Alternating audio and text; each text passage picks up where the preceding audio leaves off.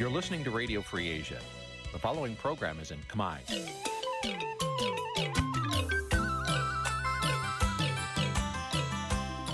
នេះជាកម្មវិធីផ្សាយ Vuthu Azizi Serai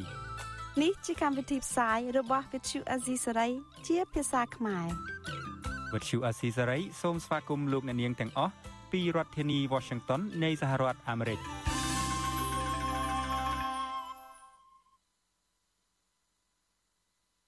បាទលោកនាងយាយជាទីមេត្រីលោកនាងកំពុងតាមដានស្ដាប់ការផ្សាយរបស់វិទ្យុអេស្ត្រេពីរដ្ឋធានីវ៉ាស៊ីនតោនសហរដ្ឋអាមេរិកបាទខ្ញុំបាទសេកបណ្ឌិតសូមជម្រាបសួរអស់លោកនាងកញ្ញាទាំងអស់ជាទីមេត្រីបាទយើងខ្ញុំសូមជូនកម្មវិធីផ្សាយសម្រាប់រាត្រីថ្ងៃច័ន្ទ4កើតខែបុស្សឆ្នាំខាលចាប់ហ្វាសាពុទ្ធសករាជ2566ត្រូវនៅថ្ងៃទី26ខែធ្នូគ្រិស្តសករាជ2022បាទជាដំបូងនេះសូមអញ្ជើញអស់លោកនាងស្ដាប់ព័ត៌មានប្រចាំថ្ងៃដែលមានមេតិការដូចតទៅ ពុនតែអំពាវនាវឲ្យប្រជាពលរដ្ឋគ្រប់ច្បាប់ចរាចរណ៍គណៈសង្គមស៊ីវិលថាការអនុវត្តច្បាប់ចរាចរណ៍មិនស្មើភាពគ្នារវាងអ្នកមាននិងអ្នកក្រមមន្ត្រីគណៈបកភ្លើងទៀនថាមេឃុំគណៈបកកណ្ដាលអំណាចនៅតែបំពេញទូនាទីនិងរឹសអើងសមាជិករបស់ខ្លួនការសង្គមស៊ីវិលបន្តធ្វើយុទ្ធនាការបង្ហោះសារអំពាវនាវឲ្យតុលាការដោះលែងកញ្ញាឈឹមស៊ីថងតោតទូ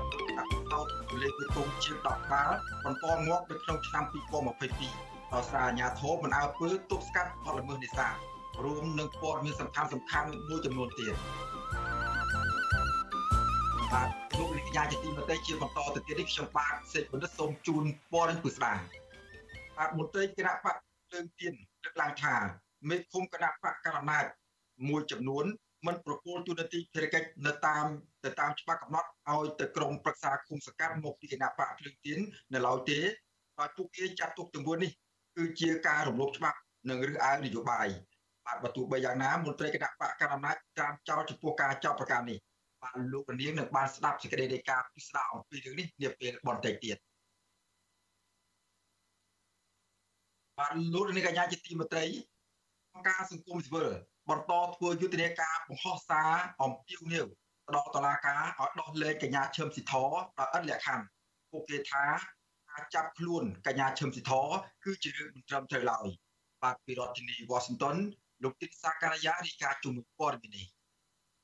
នេះជាសប្តាហ៍ទី4ហើយនៃយុទ្ធនាការបង្ហោះសារអំពាវនាវទៅកាន់រដ្ឋាភិបាលរបស់ក្រុមអង្គការសង្គមស៊ីវិលដើម្បីទាមទារឲ្យដោះលែងកញ្ញាឈឹមស៊ីធនៅថ្ងៃទី26ធ្នូ អង្គការទាំងនោះរួមមានអង្គការសង្ត្រលអង្គការការពារសិទ្ធិមនុស្សអាត6អង្គការលីកាដូអង្គការសិទ្ធិមនុស្សកម្ពុជា CCHR និងសហជីពប្រមាណជា10ស្ថាប័នទៀតក្រុមអង្គការសង្គមស៊ីវិលទាំងនេះបានបង្ហោះសាររូបភាពកោតក្រ Nagawal ប្រមូលផ្ដុំគ្នាតវ៉ាក្នុងសម្លៀកបំពាក់ជាអ្នកទោសដោយលើកបដាសរសេរថាគុកគ្មានអ្វីគួរឲ្យខ្លាចអ្វីដែលគួរឲ្យខ្លាចនោះគឺគ្មានសិទ្ធិសេរីភាពហើយអមដោយអសរលើរូបភាពថាបញ្ឈប់ការលាបពណ៌និងដោះលែងសិទ្ធិ នាយកប្រតិបត្តិអង្គការសង្ត្រលលោកមឿនដុល្លារប្រាប់វិទ្យុអាស៊ីសេរីនៅថ្ងៃទី26ធ្នូថាការបង្ហោះសារទាមទារឲ្យដោះលែងកញ្ញាឈឹមស៊ីធដោយសារតែក្រុមអង្គការសង្គមស៊ីវិលយល់ថាការអនុវត្តច្បាប់របស់តុលាការគឺជារឿងមិនត្រឹមត្រូវនិងរំលោភសិទ្ធិមនុស្សលោកថាតុលាការមិនបានជ្រើសរើសដល់កញ្ញាឈឹមស៊ីធនិងមេធាវីហើយអ្នកទាំងពីរក៏មិនដឹងពីបំរាមរបស់តុលាការនោះដែរលោកបន្តថាដោយមើលឃើញពីអំពើអយុត្តិធម៌សង្គម ទើបអង្គការសមាគមនិងសហជីពដែលធ្វើការផ្នែកសិទ្ធិមនុស្សនាំគ្នាធ្វើយុទ្ធនាការទាមទារដល់រដ្ឋាភិបាលដោះលែងកញ្ញាឈឹមស៊ីធដោយអត់លក្ខខណ្ឌដោយសារតែសាលាការអត់បានពន្យល់ប្រាប់ទៅដល់ជនសង្ស័យឬក៏ជនប្រចោទពីលក្ខខណ្ឌនៃការឲ្យនៅក្រៅឃុំហ្នឹងអញ្ចឹងការដែលកញ្ញាឈឹមស៊ីធទៅក្រៅវាមិនជាកំហុស គាត់ទេដោយសារតែគាត់អត់ដឹងបើសិនជាគាត់ដឹងអាហ្នឹងគឺគាត់ព្យាយាមអនុវត្តតាមអ្វីដែលតុលាការបានកំណត់ហើយហើយបើសិនជាមិនដឹងយើងទៅចាប់គេអាថងហ្នឹងហើយដែលយើងសន្មតថាការចាប់លើកទី2នេះគឺជាការអនុវត្តមិនត្រឹមត្រូវយុទ្ធនាការនេះធម្មតាកាលណារឿងអយុត្តិធម៌ក្នុងសង្គមកើតឡើងអង្គការសង្គមស៊ីវិលដែលធ្វើខាងផ្នែកលើគូហើយនឹងការការពារសិទ្ធិមនុស្សសិទ្ធិការងារនេះយើងមើលទៅឃើញថាហ្នឹងវាជារឿងអយុត្តិធម៌ដូច្នេះយើងចូលរួមចំណែកនាយកទទួលបន្ទុកទូទៅនៃអង្គការលីកាដូលោកអំសំអាត មានប្រសាសន៍ថាការធ្វើយុទ្ធនាការនេះគឺដើម្បីទាមទាររដ្ឋាភិបាលទម្លាក់បទចោទប្រកាន់និងដោះលែងកញ្ញាឈឹមស៊ីធលោកបន្តថាការចាប់ខ្លួនកញ្ញាឈឹមស៊ីធជាថ្មីគឺជាការគំរាមកំហែងបំផិតបំភ័យទៅលើសហជីពនិងកោតក្រក្រុមហ៊ុន Nagavel លោកបន្តថាកញ្ញាឈឹមស៊ីធមិនបានធ្វើអ្វីខុសច្បាប់នោះទេពលគឺកញ្ញាបំពេញការងារក្នុងនាមជាមេដឹកនាំសហជីពនិងការពារផលប្រយោជន៍ស្របច្បាប់របស់បុគ្គលិកក្រុមហ៊ុន Nagavel តែប៉ុណ្ណោះ ការចាប់និងការឃុំខ្លួនកញ្ញាឈឹមស៊ីធនេះវាមិនមានអ្វីជាមូលដ្ឋានច្បាស់លាស់នៅក្នុងការឃុំខ្លួននិងចាប់ខ្លួនគាត់ទេហើយផ្ទុយទៅវិញការចាប់និងឃុំខ្លួននេះយើងមើលឃើញថាជាការធ្វើទុកបណ្ដេញជាការគំរាមកំហែងទៅដល់មេដឹកនាំសហជីពដូចជាសហជីពទៅវិញដែលជាការរឹតបន្តឹងនិងការរំលោភបំពានទៅលើប្រិយភាពជាមូលដ្ឋានរបស់សហជីពទៅវិញណាពីព្រោះការបញ្ហាទាំងអស់នេះផ្ដើមចេញពីវិវាទការងាររវាងក្រុមហ៊ុន Nagavel ជាមួយនឹងបុគ្គលិកនិងអតីតបុគ្គលិក Nagavel តើតើនឹងបញ្ហានេះអ្នកនាំពាក្យរដ្ឋាភិបាលលោកផៃសិផានបានឲ្យដឹងថាការតស៊ូមតិរបៀបយុទ្ធនាការទៀមទាឲ្យដោះលែងកញ្ញាឈឹមស៊ីធបែបនេះគ្មានប្រយោជន៍អ្វីឡើយព្រោះលោកអះអាងថាបញ្ហានេះគឺជាកាតព្វកិច្ចរបស់តុលាការលោកថាមន្ត្រីសង្គមស៊ីវិលគួរតែរកមេធាវីការពារក្តីឲ្យកញ្ញាឈឹមស៊ីធព្រោះតុលាការអនុវត្តការងារដោយវិភាគទៅលើអង្គហេតុអង្គច្បាប់ គួរតែរកមេធាវីល្អមកស្វែងរកការដោះបន្ទុកពីតុលាការប្រសើរជាជាងធ្វើទីទាជាចលនានយោបាយនេះជាអបានប្រយោជន៍ទេវារឹតតែបន្ទុកថែមទៅលើគុណក្តីនោះអ្នកដែលថាខុសឬត្រូវដែលវាពាក់ព័ន្ធនឹងកាតព្វកិច្ចយុត្តិធម៌គឺមិនមែនអង្គការក្រៅរដ្ឋាភិបាលឬគុំស៊ីវិលឬអីនោះទេដែលមានដែនសមត្ថកិច្ចនៅក្នុងសាច់រឿងហ្នឹងមានតែមេធាវីទេដែលតតាំងនៅក្នុងសាលាសោយវិនិច្ឆ័យក្តីនៃតុលាការទោះបីជាការអះអាងរបស់លោកផៃសិផានបែបនេះក្តីអង្គការសិទ្ធិមនុស្សជាតិអន្តរជាតិមើលឃើញថាការចាប់កញ្ញាឈឹមស៊ីធគឺជារឿងមិនត្រឹមត្រូវដោយពួកគេលើកឡើងថាការចាប់ខ្លួនកញ្ញាឈឹមស៊ីធជាលើកទី2នេះគឺជាការបំបាក់ស្មារតីក្រុមកម្មករ Nagavel គិតត្រឹមថ្ងៃទី26ធ្នូនេះគឺជាសប្តាហ៍ទី4ហើយនៃយុទ្ធនាការទៀមទាដោះលែងកញ្ញាឈឹមស៊ីធបន្ទាប់ពីសមាជិកចាប់ខ្លួនកញ្ញាក្រោយពីត្រឡប់មកពីប្រជុំនៅប្រទេសអូស្ត្រាលី នៅប្រលានយន្តហោះអន្តរជាតិភ្នំពេញថ្មីថ្មីនេះអង្គការឃ្លាំមើលសិទ្ធិមនុស្សអន្តរជាតិ Human Rights Watch និងអង្គការលើកលែងទោសអន្តរជាតិទាមទាររដ្ឋាភិបាលលោកហ៊ុនសែនដោះលែងកញ្ញាឈឹមស៊ីធវិញដោយអត់លក្ខខណ្ឌអង្គការទាំងពីរលើកឡើងនៅក្នុងសេចក្តីថ្លែងការណ៍រួមកាលពីថ្ងៃទី13ធ្នូថាកញ្ញាឈឹមស៊ីធត្រូវបានតុលាការចាប់ខ្លួនដោយសារតែការងារការពារសិទ្ធិកម្មកររបស់នាង ហើយករណីនេះបានរំលោភបំពានទៅលើច្បាប់សិទ្ធិមនុស្សអន្តរជាតិទន្ទឹមនឹងគ្នានេះ ការឃុំខ្លួនមេសហជីពរូបនេះបានធ្វើឲ្យប៉ះពាល់ដល់សិទ្ធិរបស់កម្មករក្នុងការរៀបចំនិងចោទចារជាសមូហភាពថែមទៀតផងក្រុមអង្គការសង្គមស៊ីវិលជំរុញអរដ្ឋាភិបាលដោះលែងកញ្ញាឈឹមស៊ីធនិងទម្លាក់បទចោទផ្សេងផ្សេងលើសមាជិកសហជីពហើយពន្លឿនដោះស្រាយបញ្ហាបញ្ចប់វិវាទការងារកោតក្រក្រុមហ៊ុន Nagavel ដើម្បីស្ដារមុខមាត់កម្ពុជាពាក់ព័ន្ធនឹងសិទ្ធិមនុស្សលើឆាកអន្តរជាតិឡើងវិញខ្ញុំទីនសាការីយ៉ាអស៊ីសេរីប្រធានីវ៉ាស៊ីនតោន បាទលោកនាងកញ្ញាជាទីមេត្រីលោកនាងកំពុងតាមដានស្ដាប់ការផ្សាយរបស់វិទ្យុអស៊ីសេរីផ្សាយពីរដ្ឋធានីវ៉ាស៊ីនតោនសហរដ្ឋអាមេរិកបាទតកតូននឹងគណៈបកប្រឆាំងវិញបាទមន្ត្រីជាន់ខ្ពស់គណៈបកភ្លើងទៀនលើកឡើងថាមេឃុំគណៈបកកណ្ដាលអំណាចមួយចំនួនបាទមិនប្រគល់ទូនាទីភារកិច្ចទៅតាមច្បាប់កំណត់ឲ្យទៅក្រមប្រសាឃុំសង្កាត់មកពីគណៈបកភ្លើងទៀននៅឡើយទេបាទពួកគេចាត់ទុកទង្វើនេះថាជាការរំលោភច្បាប់ និងរើសអើងគណៈបកនយោបាយទោះបីយ៉ាងណាមន្ត្រីគណៈបកកណ្ដាលអំណាចចាមចោលចំពោះការចោទប្រកាន់នេះបាទពីរដ្ឋធានីវ៉ាស៊ីនតោនលោកយុនសមៀនរាយការណ៍ជុំវិញព័ត៌មាននេះមន្ត្រីគណៈបកភ្លើងទៀនលើកឡើងថាមន្ត្រីក្រមប្រឹក្សាគុំសង្កាត់គណៈបកមួយចំនួននៅមិនទាន់អាចអនុវត្តទួនាទីដែលមានចែងក្នុងច្បាប់នោះទេដោយសារតែមេឃុំចៅសង្កាត់មកពីគណៈបកប្រជាជនកម្ពុជា បានរំលោភទួនាទីកាងយកការងារនៅក្នុងឃុំទុកសម្រាប់ឲ្យបកពួកគេមន្ត្រីទាំងនោះស្នើថាមានរយៈពេលជាង5ខែហើយក្រោយការបោះឆ្នោតជ្រើសរើសក្រុមប្រឹក្សាឃុំសង្កាត់អាណត្តិទី5នេះដូច្នេះគណៈបកកណ្ដាលអំណាចគួរបញ្ឈប់ការរើសអើងនយោបាយដើម្បីឲ្យមន្ត្រីគណៈបកភ្លើងទៀនអាចបំពេញតួនាទីបម្រើសេវាជូនប្រជាពលរដ្ឋនៅតាមមូលដ្ឋានឲ្យបានពេញលេញ លោកថាច់សេដ្ឋាអនុប្រធានគណៈបកភ្លើងទៀនលើកឡើងថាសមាជិកគណៈបកកណ្ដាលអំណាចនៅតំបន់មួយចំនួនបានសហការគ្នា និងគណៈបកប្រឆាំងបំពេញកិច្ចការបានត្រឹមត្រូវប៉ុន្តែមេឃុំចៅសង្កាត់នៅតាមបណ្ដាខេត្តខ្លះមកពីគណៈបកប្រជាជនកម្ពុជា នៅតែមិនព្រមប្រគល់តួនាទីដល់ក្រុមប្រឹក្សាឃុំសង្កាត់មកពីគណៈបកភ្លើងទៀនឲ្យបានត្រឹមត្រូវតាមច្បាប់កំណត់នោះឡើយលោកយល់ថាករណីនេះជាការរើសអើងនយោបាយ ឃុំសង្កាត់មួយចំនួនហ្នឹងគឺมันបានបែងចែកការងារឲ្យទទួលខុសត្រូវទៅតាមមុខទូនីតិដែលមានចែងនៅក្នុងច្បាប់ទេខ្ញុំសំណូមពរឲ្យក្រសួងហាផ្ទៃដែលមានសមត្ថកិច្ចក្នុងការគ្រប់គ្រងឃុំសង្កាត់ហ្នឹងសូមឲ្យ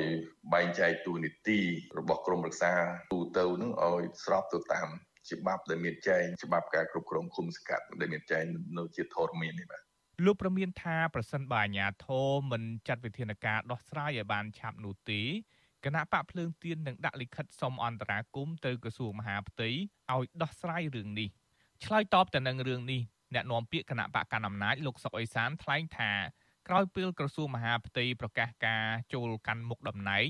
និងណែនាំពីការងាររួចមកក្រុមប្រឹក្សាគុំសង្កាត់នៅទូទាំងប្រទេសដែលភាគច្រើនមកពីគណៈបកប្រជាជនកម្ពុជានិងគណៈបកភ្លើងទៀន បានបំពេញតួនាទីនៅរដ្ឋបាលថ្នាក់ក្រោមជាតិជាធម្មតាលោកបដិសេធថាមេឃុំចៅសង្កាត់មកពីគណៈបកលោកបានរំលោភតួនាទីឬរើសអើងនិន្នាការនយោបាយប្រឆាំងនឹងមន្ត្រីគណៈបកភ្លើងទៀនដោយការចោទប្រកាន់ខ្ញុំយល់ថាដូចជាគ្មានបញ្ហាអីដែលថារំលោភលើទូនាទីទេព្រោះបែងចែកជាលិលាអសរមិនមែនថាថាផ្ទាល់មាត់ទេបាទព្រោះអានឹងវាជាគោលការណ៍ដែលមានចែងនៅក្នុងច្បាប់រួចហើយបាទ ហើយមានការណែនាំពីអ្នកជំនាញនៅពីទៅពីក្រសួងមហាផ្ទៃទៅទៀតដូច្នេះมันអាចអ្នកណាមួយជាបុគ្គលជាអត្តនោម័តបានទេបាទផ្ទុយពីការអះអាងរបស់មន្ត្រីជាន់ខ្ពស់គណៈបកកណ្ដាលអំណាចនេះជំទុកទី2នៅឃុំខ្នងភ្នំ ស្រុកស្វាយលើខេត្តសៀមរាប មកពីគណៈបកភ្លើងទៀនលោកយឿនឆាយាប្រាប់វិទ្យុអាស៊ីសេរីថាបើតាមច្បាប់តួនាទីរបស់លោកជាជំទុកទី2 ត្រូវទទួលការងារផ្ដល់សេវារដ្ឋបាលសាធារណៈសង្គមគិច្ចសម្ដាប់ធ្នាប់និងដោះស្រាយវិវាទជាដើមប៉ុន្តែជាក់ស្ដែងរយៈពេល5ខែមកនេះមេឃុំមកពីគណៈបកប្រជាជនកម្ពុជាមិនបានចាត់តាំងឬប្រគល់ទួនាទីឲ្យលោកបម្រើពលរដ្ឋនោះទេលោកឲ្យដឹងថាលោកតែងតែលើកពីបញ្ហាទាំងនេះនៅក្នុងអង្គប្រជុំដែរតែមេឃុំមិនដោះស្រាយលោកចោទថាទង្វើរបស់មន្ត្រីគណៈបកកណ្ដាលអំណាច គឺជាការរើសអើងនិន្នាការនយោបាយការដឹកនាំនឹងដូចជា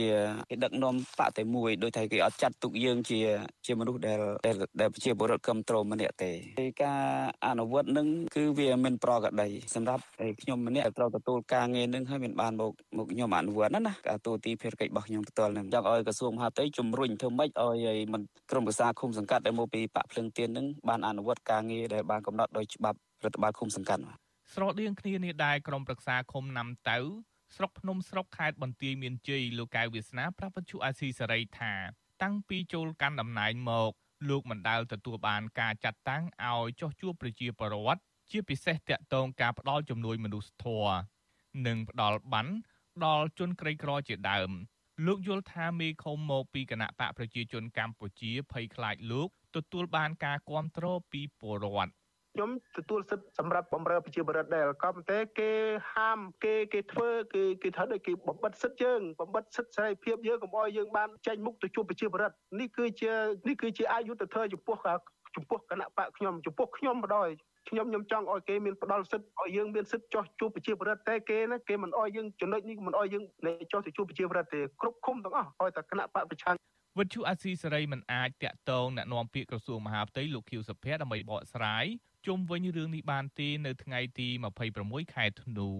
ជុំវិញទៅនឹងរឿងនេះដែរមន្ត្រីជាន់ខ្ពស់ផ្នែកអង្គការនិងតស៊ូមតិនៃអង្គការ Comprel លោកកនសាវាងមានប្រសាសន៍ថាបើសិនមន្ត្រីឃុំសង្កាត់មកពីគណៈបកភ្លើងទៀនជួបបញ្ហាក្នុងការបំពេញតួនាទីភារកិច្ចការងារទៅតាមច្បាប់ ដោយសារតែមិនទទួលបានការបែងចែកភារកិច្ចការងារពួកគេអាចដាក់លិខិតទៅក្រសួងមហាផ្ទៃភ្ជាប់ដោយភ័ស្តុតាងពាក់ព័ន្ធ ដើម្បីស្នើឲ្យស្ថាប័ននេះពិនិត្យដោះស្រាយជារឿងដែលសំខាន់គឺថាក្រមប្រឹក្សាដែលមិនបានទទួលណាទូរនទីហ្នឹងគឺថាធ្វើការកំណត់សម្គាល់ទៅតាមផ្លូវច្បាប់ណាបាទធ្វើជាលិខិតស្នាមទៅហើយនាំគ្នាដាក់លិខិតហ្នឹងទៅស្ថាប័នក្រសួងមហាផ្ទៃដោយដោយដោយយល់ទៅលើការអនុវត្តពេលបច្ចុប្បន្នហ្នឹងយ៉ាងម៉េចការផ្ទេរហ្នឹងយ៉ាងម៉េច លទ្ធផលផ្លូវការពីការបោះឆ្នោតជ្រើសរើសក្រុមប្រឹក្សាគុំសង្កាត់អាណត្តិទី5ដែលគោជបប្រកាសកាលពីថ្ងៃទី26ខែមិថុនាបង្ហាញថាគណៈបកភ្លើងទៀនទទួលបានមេឃុំចំនួន4នាក់នៅខេត្តកំពង់ធំនិងខេត្តកំពង់ចាមក្រៅពីមេឃុំគណៈបកភ្លើងទៀនក៏ទទួលបានតំណែងជំទប់ទី1ចំនួន25នាក់និងជំទប់ទី2ចំនួន1360នាក់ គណៈបកភ្លើងទៀនបានបន្តទទូចដល់រដ្ឋាភិបាល និងស្ថាប័នពាក់ព័ន្ធឲ្យពិនិត្យនិងបែងចែកការងារដោយតម្លាភាពដើម្បីឲ្យមន្ត្រីឃុំសង្កាត់គណៈបកប្រឆាំងអាចបម្រើប្រជាពលរដ្ឋខ្ញុំយុនសាមៀនវិទ្យុអាស៊ីសេរីប្រធានាធិបតី Washington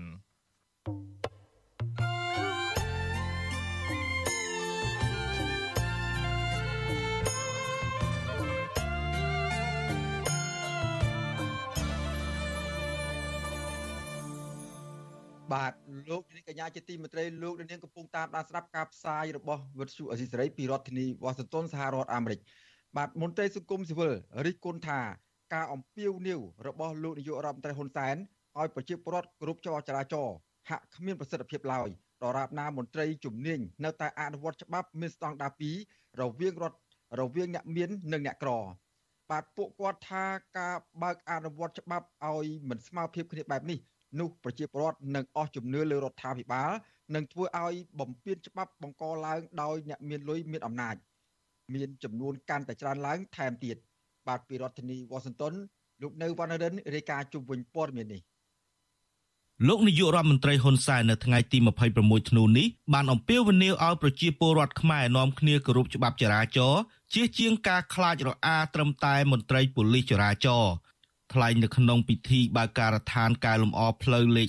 41ពីខេត្តកំពង់ស្ពឺទៅកំពតលោកហ៊ុនសែនថាការគោរពច្បាប់ចរាចរណ៍បានខ្ជាប់ខ្ជួនអាចជួយកាត់បន្ថយអត្រាស្លាប់ឬពិការពីគ្រោះថ្នាក់នៅលើដងផ្លូវហើយថ្ងៃមុនខ្ញុំនិយាយចេះ ខ្ញុំនៅតែបន្តការអភិវឌ្ឍឲ្យប្រជាពលរដ្ឋរបស់យើងគោរពច្បាប់ចរាចរណ៍ថ្ងៃមុនខ្ញុំបាននិយាយភាសាមួយថាសុំកុំខ្លាចបរិយាចរត្រូវខ្លាចច្បាប់ទៅវិញប៉ុន្តែឥឡូវខ្ញុំចង់ប្រើភាសានេះមួយកុំខ្លាចបរិយាចរខ្លាចស្លាប់ឬរបួសអាហ្នឹងគឺល្អជាង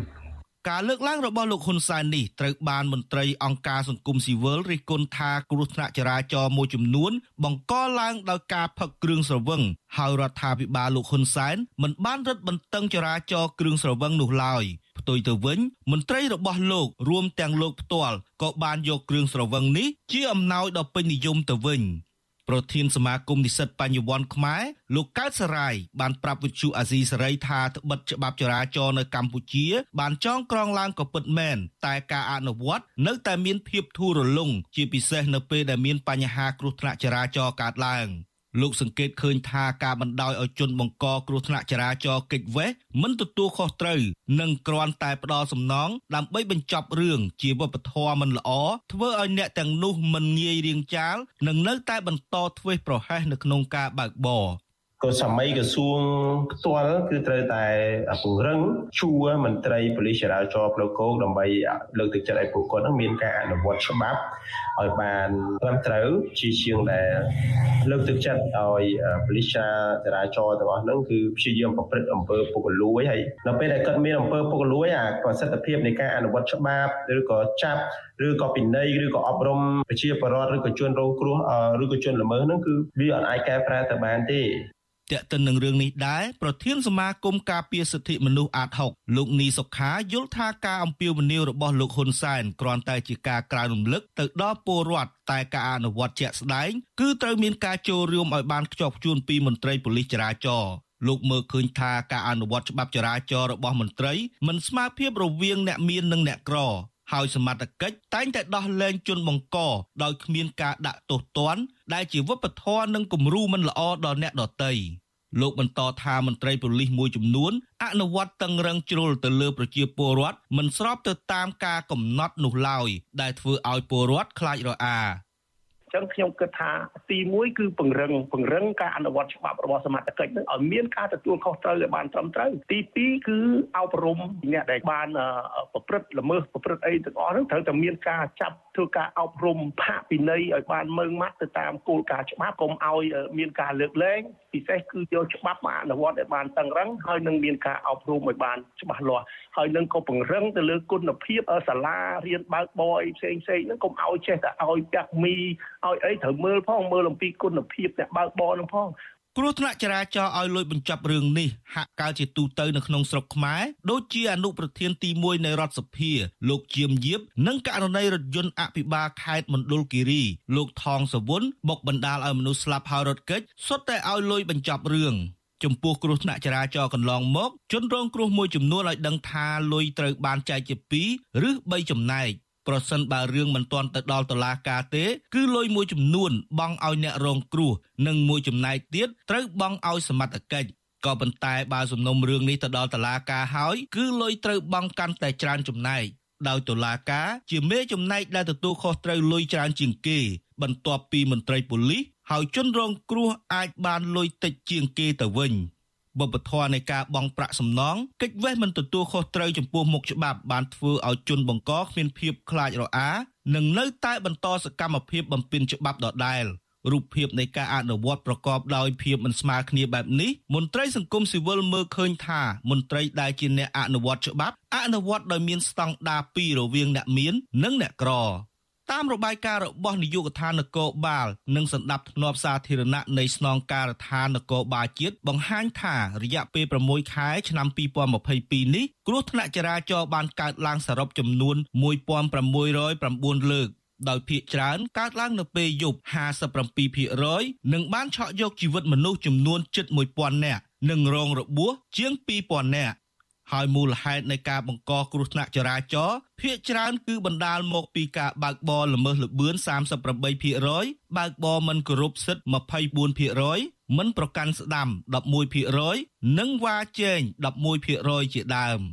ខ្ញុំបាទនៅវណ្ណរិន With Chu Azizi Saray ពីរដ្ឋធានី Washington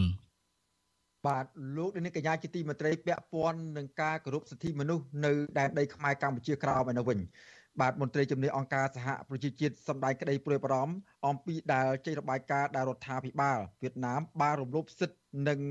សិទ្ធិជាមូលដ្ឋានផ្សេងផ្សេងទៀតរបស់ជនជាតិដើមខ្មែរកម្ពុជាក្រោមបាទពួកគេសំណូមពរឲ្យវៀតណាមគោរពកាតព្វកិច្ចរបស់ខ្លួនដែលជាសមាជិកនៃក្រុមប្រឹក្សាសិទ្ធិមនុស្សរបស់អង្គការសហប្រជាជាតិ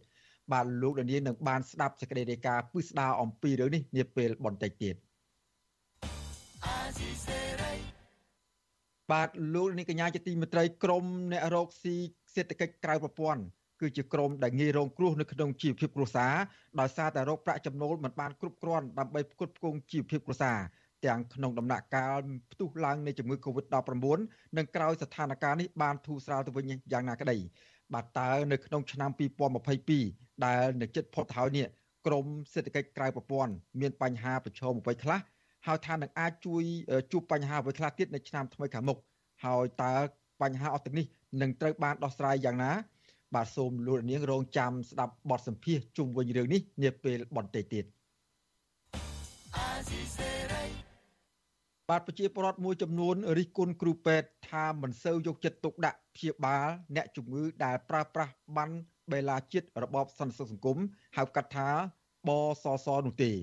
បាទមន្ត្រីសង្គមស៊ីវិលយល់ឃើញថាក្រសួងសុខាភិបាល គួរមានវិធានការច្បាស់លាស់លើបញ្ហានេះនិងត្រូវទប់ស្កាត់អំពើពុករលួយដែលអាចប៉ះពាល់ដល់អាយុជីវិតរបស់ប្រជាពលរដ្ឋបាទពីរដ្ឋធានីវ៉ាស៊ីនតោនលោកសនចាន់រដ្ឋារាយការណ៍ជុំវិញព័ត៌មាននេះពលរដ្ឋមួយចំនួនសោកស្ដាយដែលគ្រូពេទ្យរដ្ឋឯកជនមិនយកចិត្តទុកដាក់ព្យាបាលជំងឺដល់ពួកគាត់ដោយសារពួកគាត់ប្រើប្រាស់បានវេលាចិត្តរបបសន្តិសុខសង្គមពួកគាត់ថានៅពេលបង្ហាញបានបោះសសរដល់គ្រូពេទ្យម្ដងម្ដង គ្រូពេទ្យធ្វើឯកសារយឺតយ៉ាវនិងសាំញ៉ាំជាងការទៅព្យាបាលដោយចំណាយប្រាក់ផ្ទាល់ខ្លួនបើទោះបីជាអ្នកជំងឺនៅក្នុងស្ថានភាពសង្គ្រោះបន្ទាន់ក៏ដោយពួកគាត់បញ្ជាក់ថានៅពេលចំណាយប្រាក់ផ្ទាល់ខ្លួនទៅគ្រូពេទ្យយកចិត្តទុកដាក់ព្យាបាលហើយណែនាំទៅកាន់សេវាកម្មពេទ្យឯកជនផ្សេងផ្សេងពលរដ្ឋនៅរាជធានីភ្នំពេញសូមមិនចេញឈ្មោះប្រាវិទ្យាអេស៊ីសរ៉ៃថ្ងៃទី25ខែធ្នូថាប្រពន្ធរបស់លោកជាកម្មកររោងចក្រហើយមានបានបេឡាជារបបសន្តិសុខសង្គមរបស់កម្មកររោងចក្រសាគ្រាប៉ុន្តែគ្រូពេទ្យមិនសូវយកចិត្តទុកដាក់ព្យាបាលនោះទេ លោកថាលុត្រាតែមន្ត្រីរាជការទៅគ្រូពេទ្យយកចិត្តទុកដាក់ច្រើនហើយព្យាបាលបានឆាប់រហ័ស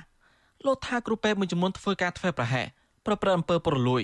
បំភ័យនៃជំងឺដើម្បីទទួលបានប្រាក់ច្រើនជាដើមលោកបន្តថាចាក់ស្ដាយម្ដាយក្មេងរបស់លោកឈឺសន្លាក់ក្បាលជង្គង់ទៅព្យាបាលនៅមន្ទីរពេទ្យព្រះអង្គឌួងហើយក្រុមគ្រូពេទ្យទាមទារវេការក្បាលជង្គង់ប៉ុន្តែដោយសារការធ្វើប្រហែសរបស់គ្រូពេទ្យធ្វើឆ្លងមេរោគបណ្ដាលឲ្យម្ដាយក្មេងរបស់លោកស្លាប់កាលពីថ្ងៃទី17ខែធ្នូ ដើម្បីឲ្យរដ្ឋាភិបាលដឹកនាំទៅឲ្យប្រជាពលរដ្ឋគេជឿជាក់គួរតែរដ្ឋាភិបាលបង្កើតច្បាប់មួយឲ្យមានការដាក់ទោសទៅលើពេទ្យឬក៏លោកគ្រូពេទ្យមួយចំនួន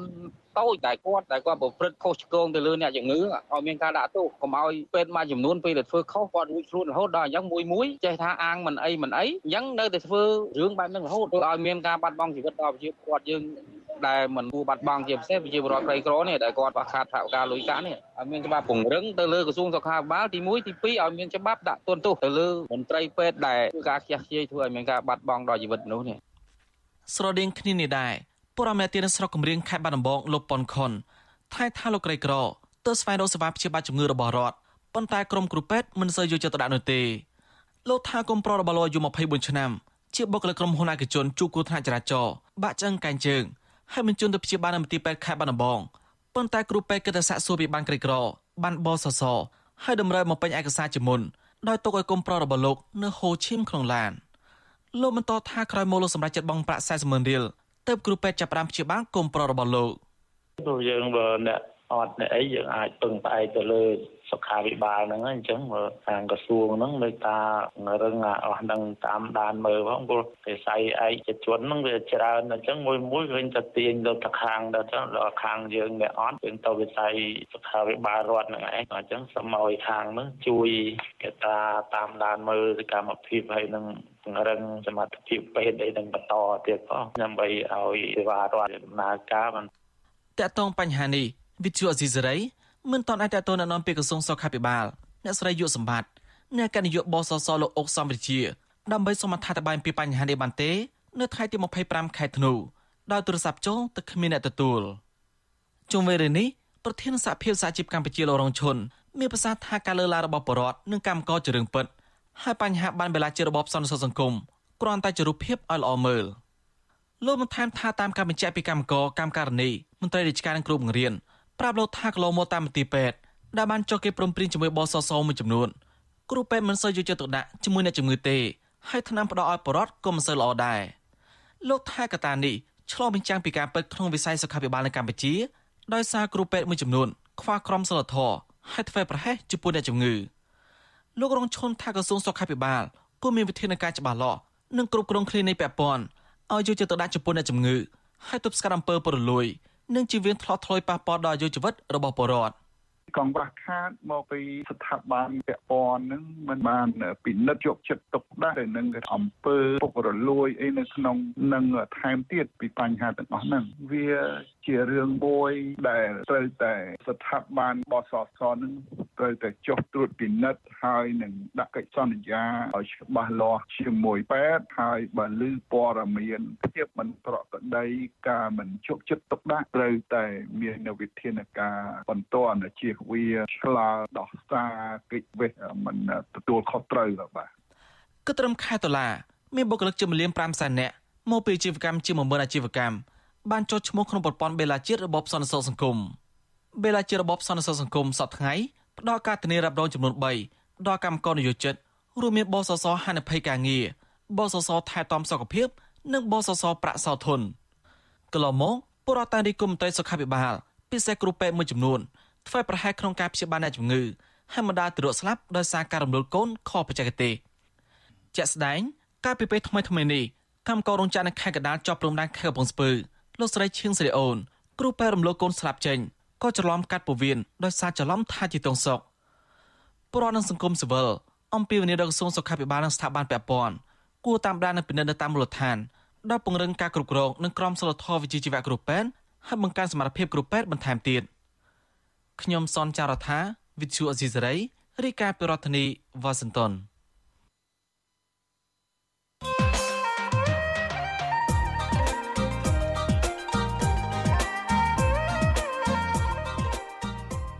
បាទលោកនាងកញ្ញាជាទីមេត្រីគិតមកទល់នឹងពេលនេះគណៈបកប្រជាជនកម្ពុជារបស់លោកនាយករដ្ឋមន្ត្រីហ៊ុនសែនបានគ្រប់គ្រងអំណាចអស់រយៈពេលជាង30ឆ្នាំមកហើយបាទអតីតកាលបានបង្ហាញថារៀងរាល់10ឆ្នាំម្ដងគណៈបកនេះតែងតែជួបនៅព្យុះសង្គ្រាមនយោបាយដែលពេលខ្លះស្ទើរតែធ្វើឲ្យគណៈបកនេះខ្ទាតចេញពីអំណាចម្ដងម្ដងបាទជាក់ស្ដែងដោយកាលពីឆ្នាំ1993 ឆ្នាំ2003និងចុងក្រោយនៅឆ្នាំ2013តែម្ដងបាទសម្រាប់ឆ្នាំ2023ដែលនឹងឈានចូលមកដល់រយៈពេលប្រមាណថ្ងៃខាងមុខនេះទៀតស្របពេលដែលកម្ពុជានឹងរៀបចំការបោះឆ្នោតជាតិជ្រើសតាំងតំណាងរាស្ត្រអាណត្តិទី7ហើយលោកនាយករដ្ឋមន្ត្រីហ៊ុនសែនបានត្រៀមផ្ទៃអំណាចនាយករដ្ឋមន្ត្រីតពូជទៅឲ្យកូនប្រុសច្បងរបស់លោកផងនោះតើស្ថានភាពរបស់គណៈបកនេះនឹងប្រែក្លាយទៅជាយ៉ាងណាចុះចំពោះស្ថានភាពនយោបាយនៅកម្ពុជារួមវិញ នឹងវិវត្តទៅបែបណាខ្លះបាទនេះគឺជាប្រធានបទដែលយើងនឹងលើកយកមកជជែកពិភាក្សានៅក្នុងនេតិវិទ្យាអ្នកស្ដាប់របស់វិទ្យុអស៊ីសេរី នៅយប់ថ្ងៃអង្គារទី27ស្អែកនេះ បាទបើសិនជាលោកដានៀងចាប់អារម្មណ៍ចង់ចូលរួមដាក់ជាសំណួរឬក៏បញ្ចេញមតិយោបល់សូមលោកដានៀងដាក់លេខទូរស័ព្ទរបស់អស់លោកដានៀងនៅក្នុងខ្ទង់ comment តាមការផ្សាយរបស់វិទ្យុអេស៊ីសេរីតាមរយៈបណ្ដាញសង្គម Facebook និង YouTube ក្រុមការងាររបស់វិទ្យុអេស៊ីសេរីនឹងហៅត្រឡប់ទៅលោកអ្នកវិញបាទសូមអរគុណបាទលោកនាងកញ្ញាជាទីមេត្រី ប្រជាពលរដ្ឋក្រីក្រ ដែលគ្មានទីពឹងរាប់ពាន់អ្នកកំពុង តស៊ូរស់នៅលើគំនរសម្រាមឬហៅថាអេតចាយនៅក្នុងរាជធានីភ្នំពេញបាទដើម្បីយកទៅបានដើម្បីយកទៅលក់បានប្រាក់ទិញម្ហូបអាហារចិញ្ចឹមជីវិតពីមួយថ្ងៃទៅមួយថ្ងៃបាទប្រជាពលរដ្ឋទាំងនោះបានត្អូញត្អែពីការលំបាកផ្នែកជីវភាពនិងបញ្ហាសុខភាពនៅក្នុងការរើសសម្រាម និងរស់នៅក្បែរកំណោសម្រាមទាំងនោះបាទពួកគាត់ថាសពថ្ងៃរស់នៅដោយពឹងលើកម្លាំងពលកម្មខ្លួនឯងទាំងស្រុង ដោយគ្មានការយកចិត្តទុកដាក់ពីសំណាក់រដ្ឋាភិបាលនោះឡើយបាទពីរដ្ឋធានីវ៉ាស៊ីនតោនសូមលោកនាងទស្សនាសេចក្តីរាយការណ៍អំពីរឿងនេះរបស់លោកនៅវណ្ណរិនពីរដ្ឋធានីវ៉ាស៊ីនតោនគំនរសម្រាមមួយកន្លែងដែលស្ថិតនៅក្នុងខណ្ឌដង្កោរាជធានីភ្នំពេញមានកម្ពស់ស្មើនឹងកូនភ្នំមួយនិងមានក្លិនអាសោចសម្រាប់មនុស្សម្នានានាគំនរសម្រាមដែលជាប្រភពនៃមេរោគនិងភាពកខ្វក់នេះ គឺជាកន្លែងប្រកបរបរចិញ្ចឹមជីវិតប្រចាំថ្ងៃសម្រាប់គ្រួសារក្រីក្រមួយចំនួន ដូចជាគ្រួសារលោកស្រីមេងចេនីស្ត្រីវ័យ28ឆ្នាំដើមកំណើតមកពីខេត្តព្រៃវែងនិងស្វាមីចំណាយពេលរាប់សិបម៉ោងក្នុងមួយថ្ងៃមួយថ្ងៃ ដើម្បីប្រមូលសម្បកដបកំប៉ុងជ័រដែក និងរបស់ផ្សេងផ្សេងពីគំនរសម្រាមដែលគេចាក់ចោលដើម្បីលក់យកកម្រៃចិញ្ចឹមជីវិតគ្រប់ទេបងអើយជួនណារកបានហូបគ្រប់ផងហ្នឹងខ្វះមុខខ្វះក្រោយប្តីខ្ញុំគាត់ឈឺរហូតញិកឈឺញិកឈឺអញ្ចឹងហូបចុកយើងវាអត់គ្រប់គ្រាន់អញ្ចឹងយើងលុយកាក់យើងរត់សូវបានអញ្ចឹង chờ បានមហូបមហែបរើសមកអញ្ចឹងទៅ យើងយកមកហូបចុកអញ្ចឹងពេលអញ្ចឹងពិបាកពួកអីយើងរើសអត់បានគ្រប់អញ្ចឹងមានលុយទិញមកហូបហូបចុកគ្រប់អញ្ចឹង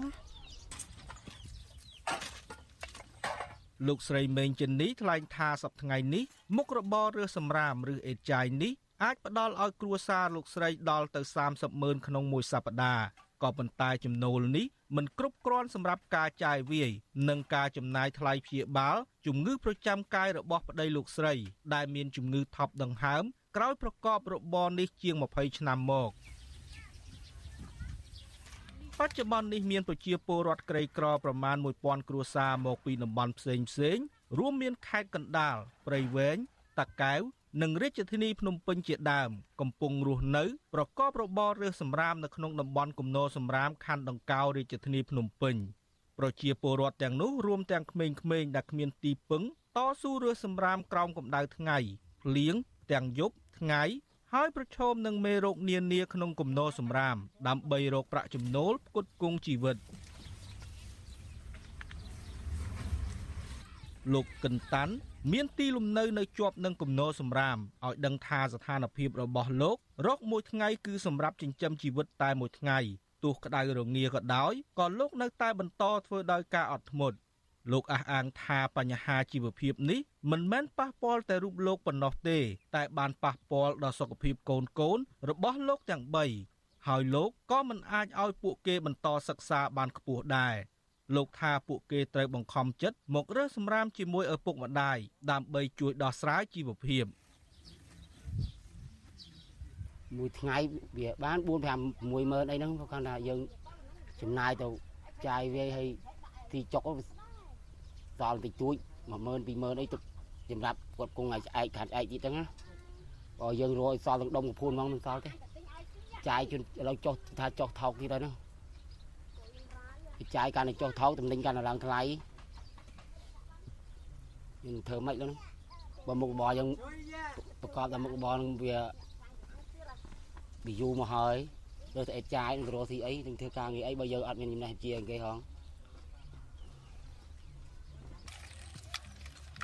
ប្រធានមជ្ឈមណ្ឌលពលរដ្ឋដើម្បីអភិវឌ្ឍនិងសន្តិភាពលោកយ៉ងកំឯងមើលឃើញថាបញ្ហាប្រជាពលរដ្ឋរស់នៅតំបន់គំនរសំរាមនេះជារឿងមួយដែលអាជ្ញាធរពាក់ព័ន្ធត្រូវតែគិតគូរដើម្បីស្វែងរកនៅកិច្ចគាំពៀសង្គមមួយឲ្យបានត្រឹមត្រូវជូនពួកគាត់លើសពីនេះទៀតអាជ្ញាធរគួរផ្ដល់សេវាពិនិត្យសុខភាពដ៏ឥតគិតថ្លៃជូនពួកគាត់ឲ្យមានប្រសិទ្ធភាពផងដែរបើមិនដូច្នោះទេ អត្រានៃពលរដ្ឋងាយរងគ្រោះទាំងនេះនឹងបន្តកើតមានឡើងជាបន្តបន្ទាប់ជាពិសេសកុមារប្រឈមនឹងការបាត់បង់ការអប់រំកាន់តែច្រើន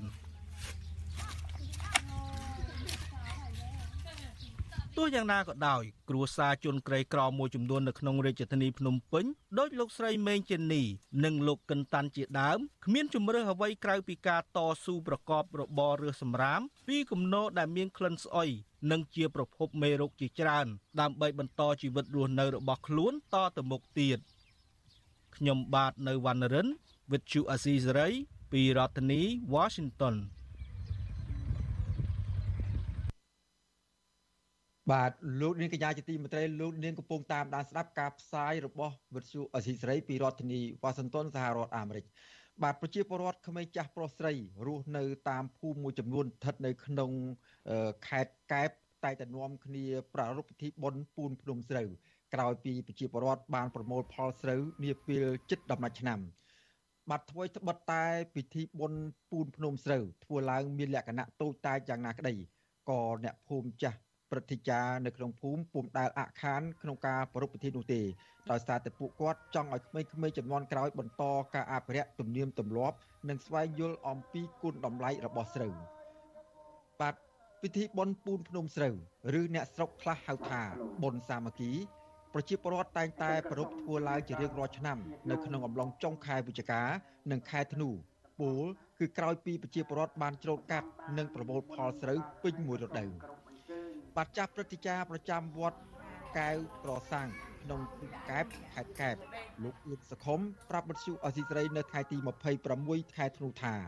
ការប្រពៃពិធីបុណ្យពូនភ្នំស្រូវប្រជាពលរដ្ឋខ្មែរមានជំនឿនិងនាំគ្នាធ្វើប្រារព្ធឡើងតាំងពីយូរលង់ណាស់មកហើយ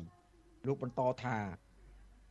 ពលរដ្ឋមានជំនឿប្រារព្ធពិធីនេះឡើង គឺក្នុងបំណងរំលឹកគុណសាច់ញាតិដែលបានចែកឋានទៅ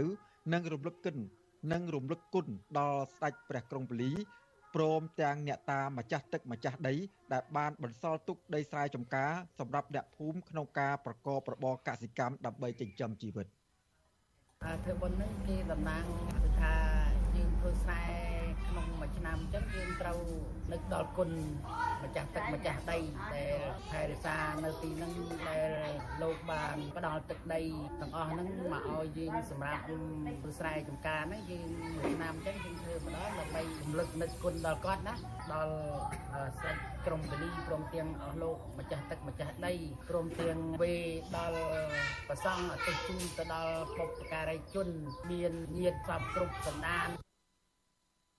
បាទក្រៅពីនេះលោកអឿនសខុមក៏បានឲ្យដឹងទៀតថាពិធីភ្នំពូនពិធីពូនភ្នំស្រូវធ្វើឡើងនៅក្នុងគោលបំណងផ្គត់ផ្គង់ស្រូវប្រគិលព្រះសង្ឃពីមុនពេលខែវស្សាមកដល់ដែលព្រះសង្ឃមិនអាចចេញបិណ្ឌបាតបាន បាទលើសពីនេះទៀតលោកថា ពិធីនេះក៏ជាស្មារតីរួបរวมសាមគ្គីមួយសម្រាប់អ្នកភូមិជួបជុំគ្នាធ្វើបុណ្យក្រោយពេលសម្រាប់ពីការច្រូតកាត់និងប្រមូលផលស្រូវបាទការប្រពៃពិធីបុណ្យពូនភ្នំស្រូវ គឺមិនសូវមានលក្ខណៈស្មុគស្មាញនោះទេមុនពេលប្រពៃពិធីនេះធ្វើឡើង លោកតាអាចារ្យប្រចាំវត្តនៅក្នុងភូមិតែងតែទំនាក់ទំនងទៅដល់ប្រជាពលរដ្ឋតាមមូលដ្ឋាន ដើម្បីប្រកាសឲ្យពួកគាត់បានដឹងជាមុនបាទដំបូងឡើយពិធីបុណ្យភ្នំពិធីបុណ្យពូនភ្នំស្រូវធ្វើឡើងនៅក្នុងវត្តអារាមតែប៉ុណ្ណោះក៏ប៉ុន្តែក្រោយក្រោយមកទៀតអ្នកភូមិរស់នៅតាមខេត្តកែបមួយចំនួន បានបែងចែកគ្នាជាក្រុម និងប្រពឡើងនៅតាមផ្ទះអ្នកភូមិឬតំបន់ណាដែលមានប្រជាពលរដ្ឋរស់នៅក្បែរក្បែរគ្នាច្រើនបាទនាពេលក្បាលប្រលប់អ្នកភូមិតែងតែនាំគ្នាទទួលនៅស្រូវសធាចាស់ចាស់រៀងខ្លួន ដើម្បីយកមកចាក់ពូន នៅកន្លែងប្រារព្ធពិធីនិងអុជធូបបន់ស្រន់សូមសេចក្តីសុខបាទរហូតបន្ទល់នឹងព្រឹកឡើងក៏មានធ្វើពិធីបាំងស្គលហើយប្រជាពលរដ្ឋតែងតែរាយអង្គាសបច្ច័យ និងរៀបចំចង្ហាន់ប្រគេនដល់ព្រះសង្ឃ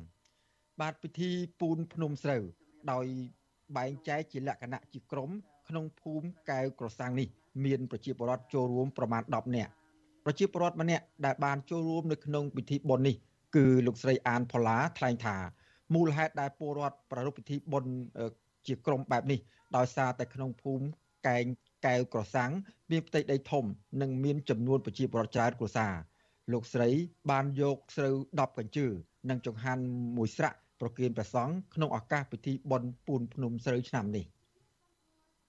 ច្រើនជូនដល់មេដាបេដាយើងអញ្ចឹងណាឲ្យគាត់មកទទួលផលទៅធ្វើតាំងពីដើមពីដៃមកឲ្យតែខែជ្រូកហើយធ្វើហើយណាមួយឆ្នាំម្ដងអញ្ចឹងណាគេ ត្រូវធ្វើហ្មងខានបាននេះធ្វើប្រគេនលោកធ្វើត្រូវគេនលោកអញ្ចឹងណាក៏មិនធ្វើតែមួយកន្លែងទេនៅវត្តណាឡងដល់មិនគេឲ្យធ្វើមួយក្រុមមួយក្រុមអញ្ចឹងទៅក៏មិនគេធ្វើនៅវត្តតែមួយកន្លែងទេណាក្រុមបានលុយ20ម៉ឺន30ម៉ឺននេះដែរណាចាយឲ្យថ្លៃមេគ្រូអាចារ្យអីអញ្ចឹងគ្រប់មុខបាទតកតោនឹងរឿងនេះដែរមន្ត្រីឃ្លាំមើលការរំលោភសិទ្ធិមនុស្សនៃអង្គការលីកាដូប្រចាំខេត្តកែបលោកប៉ែនវុធាថ្លែងថា ការបន្តប្រារព្ធពិធីបុណ្យពូនភ្នំសូវនេះគឺជាការឆ្លុះបញ្ចាំងនៅអត្តសញ្ញាណរបស់កសិករខ្មែរតាមរយៈការសាមគ្គីភាពគ្នានៅតាមរវាងប្រជាពលរដ្ឋនៅតាមមូលដ្ឋាន និងការអភិរក្សប្រពៃណីខ្មែរសម្រាប់ឲ្យក្មេងចំនួនក្រោយបានស្គាល់។ អញ្ចឹងហើយសម្រាប់យុវជនក៏ដូចជាប្រជាពលរដ្ឋនៅចំនួនក្រោយទៀតគួរតែបន្តធ្វើការប្រារព្ធពិធីនេះឲ្យបានជារៀងរាល់ឆ្នាំបន្ទាប់ពីការច្រូតកាត់រួចនៅលើមហើយដើម្បីបង្ហាញនិងរក្សានៅវប្បធម៌ប្រពៃណីខ្លួនក៏ដូចជានៅក្នុងមូលដ្ឋានរបស់ខ្លួនឲ្យបន្តទៀតព្រោះអីកម្មវិធីនេះមួយវាបង្ហាញពីលក្ខណៈនៃការសាមគ្គីភាពក្នុងមូលដ្ឋានបានបានស៊ីជម្រៅណាស់សម្រាប់ប្រជាពលរដ្ឋ បាទប្រជាពលរដ្ឋនិងមន្ត្រីអង្គការសង្គមស៊ីវិលបានលើកឡើងស្របស្របគ្នាថាប្រជាពលរដ្ឋជាពិសេសក្មេងៗនៅតាមស្រុកស្រែជនបទអាចស្គាល់ពិធីបុណ្យពូនភ្នំស្រូវច្រើនក៏ប៉ុន្តែសម្រាប់កូនខ្មែរដែលរស់នៅតាមទីប្រជុំជនមួយចំនួន ពួកគេពុំអាចស្គាល់នៅពិធីបុណ្យពូនភ្នំស្រូវនោះទេ បាទពួកគាត់អំពាវនាវដល់កូនខ្មែរចំនួនក្រោយ នៅគ្រប់មជ្ឈដ្ឋាន គួរតែស្វែងយល់អំពីប្រពៃណីទំនៀមទម្លាប់នៃការប្រារព្ធពិធីពូនភ្នំស្រូវ និងបន្តអភិរក្សកុំឲ្យបាត់បង់នៅអត្តសញ្ញាណវប្បធម៌ខ្មែរជាពិសេសពិធីពូនភ្នំសូវនេះបាទបច្ចុប្បន្ននៅតាមបណ្ដាស្រុកភូមិនៃខេត្តមួយចំនួន ដូចជាខេត្តកែបកំពតតាកែវកំពង់ឆ្នាំងបាត់ដំបងនិងប្រជាពលរដ្ឋនៅតែប្រារព្ធពិធីបុណ្យនេះជារៀងរាល់ឆ្នាំក្រោយពេលដែលប្រមូលផលស្រូវរួចហើយពួកគាត់ហៅពិធីបុណ្យនេះខុសៗគ្នាតាមតំបន់ដោយពលរដ្ឋតាមខេត្តខ្លះ ហៅពិធីប្រពៃពិធីបុណ្យពូនភ្នំសូវនេះថាជាបុណ្យដាលៀននិងបុណ្យសាមគ្គីជាដើម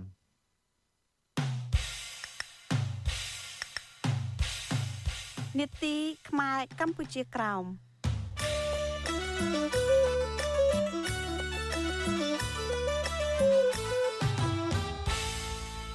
បាទលោកនាងកញ្ញាជាទីមេត្រីឥឡូវនេះយើងក៏លេចទៅមើលការប្រពការគោរពសិទ្ធិមនុស្សនៅដែនដីកម្ពុជាក្រោមទៅវិញ បាទមន្ត្រីជំនាញអង្គការសហប្រជាជាតិសម្ដែងក្តីបារម្ភពីរបាយការណ៍ដែលរដ្ឋាភិបាលវៀតណាមបានរំលោភសិទ្ធិមនុស្សនិងសិទ្ធិជាមូលដ្ឋានផ្សេងទៀតរបស់ជនជាតិដើមខ្មែរក្រោមបាទពួកគេសំណូមពរឲ្យវៀតណាមគោរពកាតព្វកិច្ចរបស់ខ្លួនដែលជាសមាជិកនៃក្រុមប្រឹក្សាសិទ្ធិមនុស្សរបស់អង្គការសហប្រជាជាតិបាទពីរដ្ឋធានីវ៉ាស៊ីនតោនលោកយុនសមៀនរាយការណ៍ពិស្ដារអំពីព័ត៌មាននេះ អ្នករាយការណ៍ពិសេសរបស់អង្គការសហប្រជាជាតិស្ដីពីសិទ្ធិជនជាតិដើមវប្បធម៌អប់រំនិងសេរីភាពសាសនា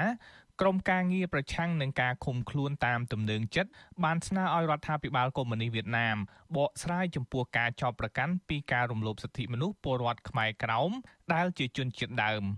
លិខិតរួមរបស់អ្នកជំនាញអង្គការសហប្រជាជាតិចុះកាលពីដើមខែតុលាដែលវិទ្យុអាស៊ីសេរីទើបទទួលបានផ្ញើទៅរដ្ឋាភិបាលវៀតណាមថា អ្នកជំនាញអង្គការសហប្រជាជាតិចង់ទាញការចាប់អារម្មណ៍របស់រដ្ឋាភិបាលវៀតណាម ចំពោះព័ត៌មានដែលវៀតណាមបរាជ័យទទួលស្គាល់សិទ្ធិស្វ័យសម្រេចរបស់ជនជាតិដើមខ្មែរក្រោមដែលកំពុងរស់នៅលើតំបន់ដីសណ្ដទន្លេមេគង្គអ្នកជំនាញបន្តថាពួកគេក៏ទទួលបានសេចក្តីរាយការណ៍ពីការរំលោភបំពានសិទ្ធិសេរីភាពផ្នែកបញ្ចេញមតិការចូលរួមប្រជុំសុខភាពមហូបអាហារផ្ទះសម្បែងបរិស្ថាន ការរំលោភបំពានសេរីភាពសាសនា ភាសានិងវប្បធម៌លិខិតរួមរបស់អ្នកជំនាញអង្គការសហប្រជាជាតិសរសេរថាខ្មែរក្រោមបានទៅរស់នៅលើទឹកដីកំណើតដីសណ្ដទន្លេមេគង្គរាប់ពាន់ឆ្នាំមកហើយខ្មែរក្រោមបានប្រើប្រាស់ភាសាខ្មែរនិងជាជនជាតិដើម ដែលមានចំនួនច្រើនជាងគេនៅវៀតណាមចាប់តាំងពីឆ្នាំ1975មកវៀតណាមបានចាប់ផ្ដើមរឹបអូសដីកសិកម្មខ្មែរក្រោមឲ្យជនជាតិវៀតណាម ដែលមកតាំងទីលំនៅលើដែនដីកម្ពុជាក្រោមយ៉ាងគំហុកអ្នកជំនាញអង្គការសហប្រជាជាតិក៏សម្គាល់ថាទោះបីវៀតណាមបោះឆ្នោតគាំទ្រសេចក្តីប្រកាសសកលស្តីពីសិទ្ធិជនជាតិដើមកាលពីឆ្នាំ2007ក្តីវៀតណាមមិនបានធ្វើច្បាប់ជាក់លាក់ណាមួយស្តីពីជនជាតិដើម ហើយវៀតណាមក៏មិនបានប្រើពាក្យជនជាតិដើម ដើម្បីសម្គាល់លើជនជាតិដើមចំនួន54រួមទាំងខ្មែរកម្ពុជាក្រោមផងដែរ វៀតណាមបន្តប្រើប្រាស់ច្បាប់សន្តិសុខអ៊ីនធឺណិតដើម្បីធ្វើទុកបុកម្នេញសេរីភាពបញ្ចេញមតិតាមបណ្ដាញអ៊ីនធឺណិតរបស់ពលរដ្ឋវៀតណាម និងខ្មែរក្រោមមានយុវជនខ្មែរក្រោមជាច្រើនត្រូវបានអាជ្ញាធរវៀតណាមចាប់ខ្លួនតាមទំនើងចិត្តសួរចម្លើយឃុំខ្លួននិងកាត់ទោសដោយសារតែការប្រើប្រាស់សិទ្ធិសម្ដែងមតិអ្នកជំនាញអង្គការសហប្រជាជាតិសម្ដែងក្តីបារម្ភជាពិសេសលើករណីវៀតណាមឃាត់ខ្លួនយុវជនខ្មែរក្រោមលោកដួងខាយនិងលោកថៃកើង ដែលសកម្មធ្វើការងារផ្នែកសិទ្ធិមនុស្សនិងជនជាតិដើមពួកគេត្រូវបានវៀតណាមឃុំខ្លួនសួរចម្លើយអស់ជាច្រើនម៉ោងនិងបង្ខំឲ្យសារភាពទោសដែលពួកគេមិនបានប្រព្រឹត្តករណីមួយទៀតគឺករណីលោកថាច់រៀនដែលត្រូវវៀតណាមចាប់ដាក់ពន្ធនាគាររយៈពេល6ខែពីបទធ្វើឲ្យប៉ះពាល់កិត្តិយសអតីតមេដឹកនាំវៀតណាម លោកហូជីមិញនិងរឿងផ្សព្វផ្សាយប្រវត្តិសាស្ត្រខ្មែរកម្ពុជាក្រោមនិងចែកចាយរំលែកចំណេះដឹង សិទ្ធិជនជាតិដើមសិទ្ធិមនុស្សនិងគោលដៅអភិវឌ្ឍប្រកបដោយចីរភាពរបស់អង្គការសហប្រជាជាតិអ្នកជំនាញអង្គការសហប្រជាជាតិថាវៀតណាមមិនបានផ្ដល់ការកាត់ទោសដោយយុត្តិធម៌ដល់លោកថាច់រិននិងមិនអនុញ្ញាតឲ្យលោកជួបក្រុមគ្រួសារនិងមេធាវី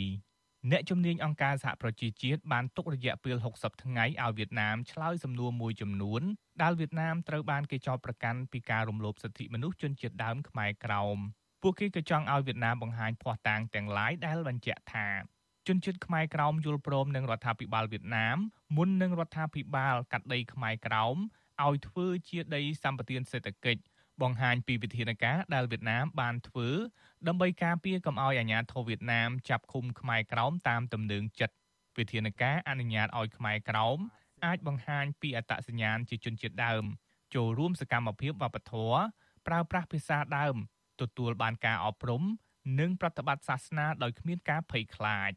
អ្នកជំនាញអង្គការសហប្រជាជាតិថាក្នុងពេលរងចាំចម្លើយរបស់វៀតណាមនេះរដ្ឋាភិបាលវៀតណាមត្រូវតែចាត់វិធានការចាំបាច់ដើម្បីបញ្ឈប់ការរំលោភបំពានហើយប្រសិនបើការរំលោភបំពាននោះនៅតែបន្តមានរដ្ឋាភិបាលត្រូវចាត់វិធានការប្រឆាំងជនល្មើសទាំងនោះទោះបីជាយ៉ាងណាសហព័ន្ធខ្មែរកម្ពុជាក្រោមបានដឹងថា វៀតណាមមិនបានចាត់វិធានការទប់ស្កាត់ការកោះហៅខ្មែរក្រោមទៅសម្លុតបំភ័យរឿងប្រើប្រាស់សិទ្ធិសេរីភាពបញ្ចេញមតិឡើយកាលពីសប្តាហ៍មុនវៀតណាមបានកោះហៅពលរដ្ឋខ្មែរក្រោមម្នាក់ដែលឲ្យផ្ទះលោកសម្រាប់ពលរដ្ឋខ្មែរក្រោមប្រមូលផ្ដុំធ្វើទិវាសិទ្ធិមនុស្សអន្តរជាតិ10ធ្នូពាក់ព័ន្ធទៅនឹងលិខិតរបស់អ្នកជំនាញអង្គការសហប្រជាជាតិនេះប្រធាននាយកដ្ឋានព័ត៌មានសហព័ន្ធខ្មែរកម្ពុជាក្រោមព្រះវិខុសើងយើងរតនាមានថ្នាក់ដឹកការថា លិខិតស្នើសុំវៀតណាមឲ្យពន្យល់ពីការរំលោភសិទ្ធិមនុស្សនិងអាចដាស់តឿនវៀតណាមកុំឲ្យបន្តរំលោភសិទ្ធិមនុស្សបន្ថែមទៀតក៏អាត្មាយល់ឃើញថាសំណើរបស់អង្គការសហប្រជាជាតិដែលបានផ្ញើទៅរដ្ឋាភិបាលវៀតណាមដើម្បីបកស្រាយបំភ្លឺនៃការរំលោភសិទ្ធិចំពោះបរតខ្មែរក្រមនៅលើដែនដីកម្ពុជាក្រមនេះគឺជាការល្អណាស់ព្រោះប្រថាអង្គការសហប្រជាជាតិមានសក្ខីកម្ម បច្បាស់លាស់ណាស់ទើបបានផ្ញើទៅរដ្ឋាភិបាលវៀតណាមដើម្បីនឹងបកស្រាយនឹងពដូច្នេះគឺមានផលប្រយោជន៍យ៉ាងធំធេងសម្រាប់បរតខ្មែរក្រមនៅលើដែនដីកម្ពុជាក្រមពរដ្ឋាភិបាលវៀតណាមមកទល់នឹងថ្ងៃទី25ធ្នូមិនទាន់ឆ្លើយតបនឹងលិខិតរបស់អ្នកជំនាញអង្គការសហប្រជាជាតិនៅឡើយទេសមាជិកអង្គការសហប្រជាជាតិបានបោះឆ្នោតឲ្យវៀតណាមធ្វើជាសមាជិកក្រុមប្រឹក្សាសិទ្ធិមនុស្សរបស់អង្គការសហប្រជាជាតិ សម្រាប់អាណត្តិ3ឆ្នាំពីឆ្នាំ2023ដល់ឆ្នាំ2025វៀតណាមបានសន្យានឹងសហគមន៍អន្តរជាតិថានឹងគោរពសិទ្ធិមនុស្សមុនសុំធ្វើជាសមាជិកក្រុមប្រឹក្សាសិទ្ធិមនុស្សកាលពីពេលថ្មីថ្មីនេះក្រសួងការបរទេសវៀតណាមបានបដិសេធរបាយការណ៍របស់ក្រសួងការបរទេសអាមេរិកដែលដាក់វៀតណាមក្នុងបញ្ជីនៃប្រទេសឃ្លាំមើលនៃការរំលោភសិទ្ធិសាសនាធ្ងន់ធ្ងរវៀតណាមថារបាយការណ៍នេះគ្មានការពិតនិងលំអៀង ទោះបីជាយ៉ាងណារបាយការណ៍សិទ្ធិមនុស្សឆ្នាំ2021របស់ក្រសួងការបរទេសអាមេរិកផ្សាយកាលពីខែមេសាកន្លងទៅរកឃើញថាកាលពីឆ្នាំ2021មានការរំលោភសិទ្ធិមនុស្សធ្ងន់ធ្ងរកើតឡើងនៅវៀតណាមដូចជាការសម្លាប់មនុស្សការធ្វើទណ្ឌកម្មនិងអំពើឃោរឃៅខុសច្បាប់បង្កឡើងដោយរដ្ឋាភិបាលវៀតណាម និងភ្នាក់ងាររដ្ឋាភិបាល ការឃុំខ្លួននិងចាប់ខ្លួនតាមអំពើចិត្តប្រឆាំងនឹងអ្នកនយោបាយការរដ្ឋបិទការសម្ដែងមតិ និងសារព័ត៌មាននិងការប្រើប្រាស់ពលកម្មកុមារជាដើមខ្ញុំយុនសាមៀនវិទ្យុអាស៊ីសេរីប្រធានាធិបតី Washington thank you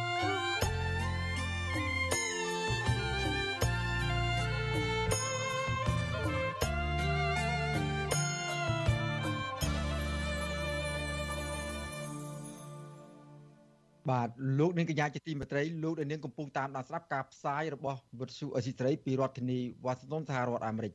បាទប្រជាពលរដ្ឋមួយចំនួនដែលរស់នៅបតាមបណ្ដោយទំនប់អាងភៀសនៅក្នុងស្រុកឯកភ្នំខេត្តបាត់ដំបង បាននាំគ្នាប្រកបរបរឬខ្យងស្ងោលក់ដើម្បីរកប្រាក់ចំណូលផ្គត់ផ្គង់ជីវភាពប្រចាំថ្ងៃបាទមូលហេតុដែលអ្នកភូមិទាំងនោះប្រកបមុខរបរបែបនេះ ដោយសារតែពួកគាត់គ្មានដីដាំដុះរកប្រាក់ចំណូលចិញ្ចឹមគ្រួសារដោយប្រជាពលរដ្ឋដទៃនិងគ្មានការងារធ្វើក្រៅពីការប្រកបមុខរបរនេះឡើយបាទរបររកខ្យងជាមុខរបរពេញនិយមមួយរបស់ប្រជាពលរដ្ឋដែលរស់នៅលើខ្នងទំនប់អាងភៀសក្នុងឃុំពៀមឯកស្រុកឯកភ្នំ ដែលមានចម្ងាយជាង30គីឡូម៉ែត្រពីក្រុងបាត់ដំបងបាទនៅតាមមុខផ្ទះនីមួយៗរបស់ប្រជាពលរដ្ឋនៅក្នុងតំបន់នោះ ពោពេញទៅដោយសម្បកខ្យងគោដូចភ្នំ ដែលអ្នកភូមិបានឆ្កឹះយកសាច់ចេញយកទៅលក់ទៅឲ្យឈ្មួញបាទសូមលោកនាង ទស្សនាសេចក្តីរាយការណ៍អំពីរឿងនេះ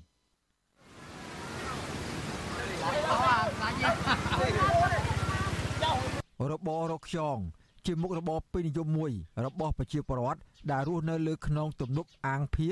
ក្នុងឃុំពីមឯកស្រុកឯកភ្នំ ដែលមានចម្ងាយជាង30គីឡូម៉ែត្រពីក្រុងបាត់ដំបង។ នៅតាមមុខផ្ទះនីមួយៗរបស់ប្រជាពលរដ្ឋនៅតំបន់នោះពោពេញទៅដោយសម្បកខ្យងគោដូចភ្នំ ដែលអ្នកភូមិបានឆ្កឹះយកសាច់ចេញលក់ទៅឲ្យឈ្មួញពលរដ្ឋរស់នៅតំបន់ទំនប់អាងភៀសក្នុងភូមិគោកដូងឃុំពីមឯកលោកស្រីសានីរៀបរាប់ប្រាប់បទសុអសីស្រីឲ្យដឹងថាលោកស្រីប្រកបមុខរបរនេះអស់រយៈពេលជាង20ឆ្នាំមកហើយទោះជាមុខរបរនេះមិនអាចរកប្រាក់ចំណូលបានច្រើនក្តី តែលោកស្រីឲ្យដឹងថាវាអាចជួយសម្រាលថ្លៃម្ហូបអាហារបានបន្តិចបន្តួចសម្រាប់គ្រួសារលោកស្រីដែលមានកូននិងចៅសរុបទាំងអស់13នាក់លោកស្រីបន្តថាក្នុងមួយថ្ងៃលោកស្រីអាចរកខ្យងបានប្រមាណពី40ទៅ50គីឡូក្រាមទាំងសម្បកប៉ុន្តែលោកស្រីថាខ្យងទាំងនោះត្រូវស្ងោរនិងឆ្កឹះកាត់យកក្រមួនចេញ ដោយទទួលបានសាច់ខ្យងប្រមាណ3ទៅ4គីឡូក្រាមប៉ុណ្ណោះ។ ចាដល់តមកពេលមកពេលបើកាលកូវីដនឹងអត់មកពេលអត់បដ ாய் ដាច់បាយបបមានស្រែមានភ្លឺអីទេបាក់ដៃទៅទេនឹងឯងខ្យងគឺជាសត្វអត់ឆ្អឹងខ្នងមួយប្រភេទដែលប្រជាពលរដ្ឋខ្មែរនៅតាមជនបទនិយមបរិភោគធ្វើជាម្ហូបព្រោះងាយស្រួលរកប៉ុន្តែបច្ចុប្បន្នដោយសារតែសេវាកម្មម្ហូបអាហារតាមភោជនីយដ្ឋានកើនឡើងខ្យងត្រូវបានគេច្នៃជាអាហារពិសេសជាច្រើនប្រភេទដូចជាឆាគ្រឿង ដាក់ក្នុងស៊ុបចំហុយឬអាំងជាដើម ដែលធ្វើឲ្យតម្រូវការខ្យងបានកើនឡើង ស្របពេលនឹងតម្រូវការកើនឡើងយ៉ាងដូចនេះក៏មានខ្យងចិញ្ចឹមពីក្នុងស្រុក និងក្រៅស្រុក មានវត្តមាននៅលើទីផ្សារដែរប៉ុន្តែខ្យងធម្មជាតិនៅតែពេញនិយមនិងមានតម្រូវការជាងខ្យងចិញ្ចឹមដដែលពលរដ្ឋម្នាក់ទៀតគឺលោកសុកសុខា បានឲ្យដឹងថាលោកប្រកបមុខរបរនេះជាង20ឆ្នាំមកហើយ ដើម្បីរកចំណូលបន្ថែមក្រៅពីការងារធ្វើសំណង់លោកថាក្នុងមួយថ្ងៃលោកអាចរកប្រាក់ចំណូលបានប្រមាណ20000ទៅ30000រៀលហើយការរកខ្យងមានការលំបាកដោយត្រូវដើរឈ្ងោកមើលតាមល្បាប់ភក់ជាពិសេសនៅរដូវទឹកសម្រក់មានស្មៅដុះក្រាស់លើសពីនេះដោយសារអ្នករកខ្យងមានចំនួនច្រើនបណ្ដាលឲ្យខ្យងកាន់តែខ្សត់និងរោគមិនសូវបានដូចមុនបរិះរូបនេះក៏បានឲ្យដឹងទៀតថាឈ្មួញទិញខ្យងក្នុងតម្លៃទាប ខណៈការប្រមូលផលត្រូវចំណាយកម្លាំងពលកម្មច្រើន និងត្រូវចំណាយថ្លៃអូសយូងស្ងោ ដែលធ្វើឲ្យលោកមិនសូវជាចំណេញពីរបរនេះប្រមាណឡើយស្ងោហើយអង្គុយឆ្កើឆ្កើឲ្យកាត់មកស្អាតលុយគេទៀតពេលខ្លះរោទយប់យប់ដល់ភ្លឺជើបានយកមកស្ងោទៀតមកស្ងោអង្គុយកាត់មួយថ្ងៃទៀតទ្រាំបានលុយត្រឹម20000 30000ថ្ងៃដល់ទៅ10000ជាគុំហើយយើងអស់ថ្លៃអស់ថ្លៃអីពេលវេលាយូរដែរទ្រាំបានលុយហ្នឹង ជាធម្មតាប្រជាពលរដ្ឋចាប់ផ្ដើមចេញទូករកខ្យងនៅពេលព្រឹក និងត្រឡប់មកវិញនៅពេលថ្ងៃត្រង់បន្ទាប់ពីរកបាន អ្នកភូមិត្រូវយកខ្យងទាំងនោះ ទៅលាងទឹកនិងស្ងោរលុះស្ងោរឆ្អិនគេត្រូវឆ្កឹះយកសាច់ហើយកាត់ក្រមួនចេញមុននឹងលក់ទៅឲ្យឈ្មួញ រៀងរាល់ល្ងាចមានអ្នកទៅទិញសាច់ខ្យងពីប្រជាពលរដ្ឋដល់កន្លែង ដើម្បីយកទៅលក់បន្តនៅទីផ្សារឬក៏ផ្គត់ផ្គង់នៅតាមភោជនីយដ្ឋាននានានៅក្នុងក្រុងបាត់ដំបងសាច់ខ្យងឆ្អិនដែលពលរដ្ឋលក់ទៅឲ្យឈ្មួញក្នុង1គីឡូតម្លៃ2500រៀលទៅ3000រៀលហើយឈ្មួញយកទៅលក់នៅលើទីផ្សារក្នុងតម្លៃប្រមាណ10000រៀលទៅ12000រៀលក្នុង1គីឡូក្រាម អនុប្រធានភូមិគោកដូង លោកឈិនសៅថាឲ្យដឹងថា ប្រជាពលរដ្ឋរស់នៅតំបន់អាងភៀសភ ieck ច្រើនសុទ្ធតែប្រកបមុខរបររកខ្យង និងនេសាទតិចតួចហើយមានតែប្រជាពលរដ្ឋប្រមាណ10គ្រួសារប៉ុណ្ណោះដែលធ្វើការសំណង់និងស៊ីឈ្នួលដកដំឡូងលោកបន្តថាប្រជាពលរដ្ឋលក់ខ្យងនិងត្រី បានចំណូលគួរសមទៅតាមចំនួនសមាជិកក្នុងគ្រួសារពួកគេ ក្នុងនោះ អាញាធរបានផ្ដល់បានក្រីក្រកម្រិតមួយដល់គ្រួសារដែលមានជីវភាពខ្វះខាតទោះយ៉ាងណាក្តីលោកថាប្រជាពលរដ្ឋនៅទីនោះមួយចំនួននៅតែមានជីវភាពលំបាកបន្ទាប់ពីជួបគ្រោះទឹកជំនន់កាលពីរដូវវស្សាកន្លងទៅបាទអ្នកនៅនេះអត់មានស្រែធ្វើទេបងអើយនៅនេះអ្នកនៅក្នុងអត់ទាំងអស់គ្នាមានតែដីដីនៅឋានដែលគាត់នៅអីធ្វើរោងផ្ទះអីចឹងណាមានតែដីហ្នឹងមិនអីស្រែមានទេនៅលើខ្នងទំនប់អាងភៀសស្ថិតនៅក្នុងភូមិគូកដូង ឃុំពីបឯកមានប្រជាពលរដ្ឋរស់នៅប្រមាណជាង70គ្រួសារហើយពួកគាត់បានមកកាប់ឆ្ការព្រៃបោះទីតាំងរស់នៅលើខ្នងទំនប់អាងភៀសនេះរយៈពេលជាង30ឆ្នាំមកហើយផ្ទះរបស់ប្រជាពលរដ្ឋខ្លះធ្វើពីស័ង្កសីផ្ទាល់ដីនិងនៅតែឆ្ងាយពីគ្នាប្រហែល100ម៉ែត្រទៅ400ម៉ែត្រក្នុងនោះពលរដ្ឋភៀសច្រើនប្រកបមុខរបរដើររកខ្យងក្នុងអាងនេសាទត្រីធ្វើស្រែប្រដេញទឹក និងចាប់កណ្ដុរលក់ នៅរដូវទឹកទន្លេឡើងចូលទៅក្នុងអាង ពួកគាត់អាចរកខ្យងបានច្រើន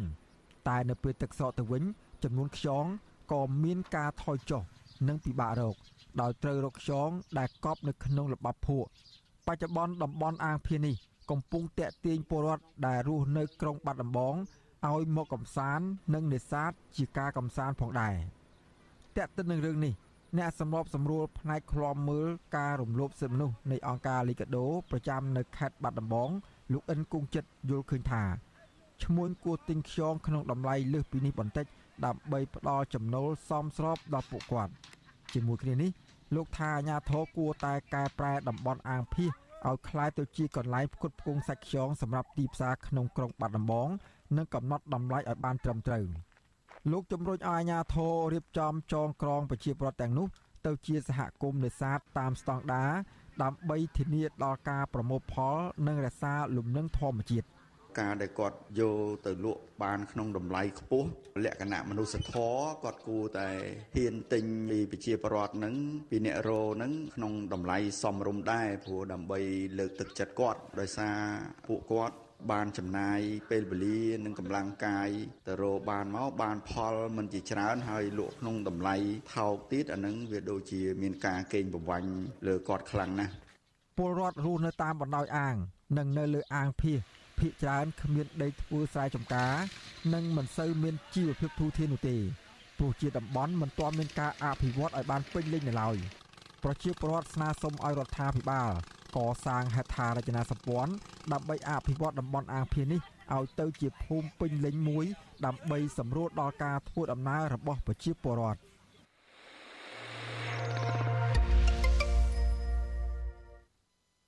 បាទលោកនាងយាជាទីមេត្រីលោកនាងកំពុងតាមដានស្ដាប់ការផ្សាយរបស់វិទ្យុអសីសេរីពីរដ្ឋធានីវ៉ាស៊ីនតោនសហរដ្ឋអាមេរិកបានចំពោះលោកនាងដែលកំពុងតាមដានស្ដាប់ការផ្សាយរបស់វិទ្យុអសីសេរីតាមរយៈរលកធាតុអាកាសខ្លីឬ Software នោះលោកនាងមិនលឺយើងខ្ញុំទៀតទេក៏ប៉ុន្តែលោកនាងដែលកំពុងតាមដានស្ដាប់ការផ្សាយរបស់យើងខ្ញុំតាមរយៈប្រព័ន្ធ Facebook និង YouTube នោះលោកនាងនៅតាមដានស្ដាប់ជាមួយយើងខ្ញុំជាបន្តទៀតហើយការស្ដាប់